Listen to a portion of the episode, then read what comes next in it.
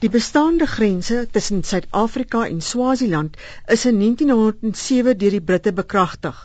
Dit volg nadat koning Mswati III se oupa grootjie, Mubanzeni, traktate en ooreenkomste in die 1880s met die boere gesluit het om as buffer te dien tussen hulle en die Britte. Dis nou die grond wat Swaziland wil terug hê en waarvoor hulle 'n versoek by die VN ingedien het. Die grondkwessie het in 1921 weer ter sprake gekom toe koning Sobusa aan bewind gekom het. Hy het met petisies vorendag gekom.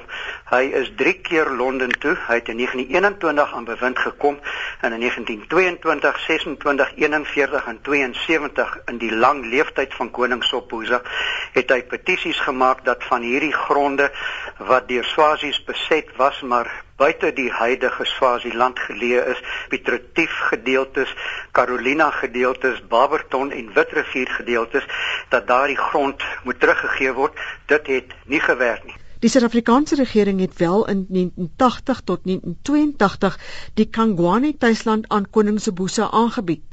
Dis min of meer die gebied wat vroeër aan Suid-Afrika afgestaan is. Dit is hoofsaaklik dan gronde in die ooste van Carolina, Witrivier en Barberton en die huidige eise wat die Swazi regering nou by die VN ingedien het, kom min of meer daarop neer dat daardie aanbod wat uh, die Suid-Afrikaanse regering meneer PW Botha was toe nog die president om aan koning Sobhuza oor te dra in ruil daarvoor dat alle Suid-Afrikaanse Swazis dan moet Swazi burgers word en hulle Suid-Afrikaanse Swazi burgerskap ontsê moet word.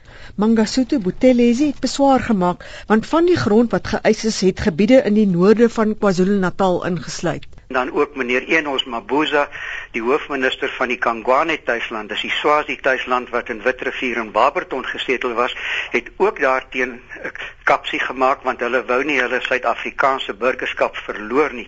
Dus wat interessant is is dat hierdie kwessie van die Swazi gronde was dus nou al ten minste 3 keer te sprake gewees in die geskiedenis soos ek verduidelik het. Breitenberg meen dat die Suid-Afrikaanse regering moontlik bereid was om dit te doen sodat daar in die toekoms met 'n meerderheidsregering minder swartes in Suid-Afrika sou wees. Hy sê die restitusie eis wat die Swazi regering by die VN ingedien het, strek wyer as die gebiede wat destyds aan die boere gegee is.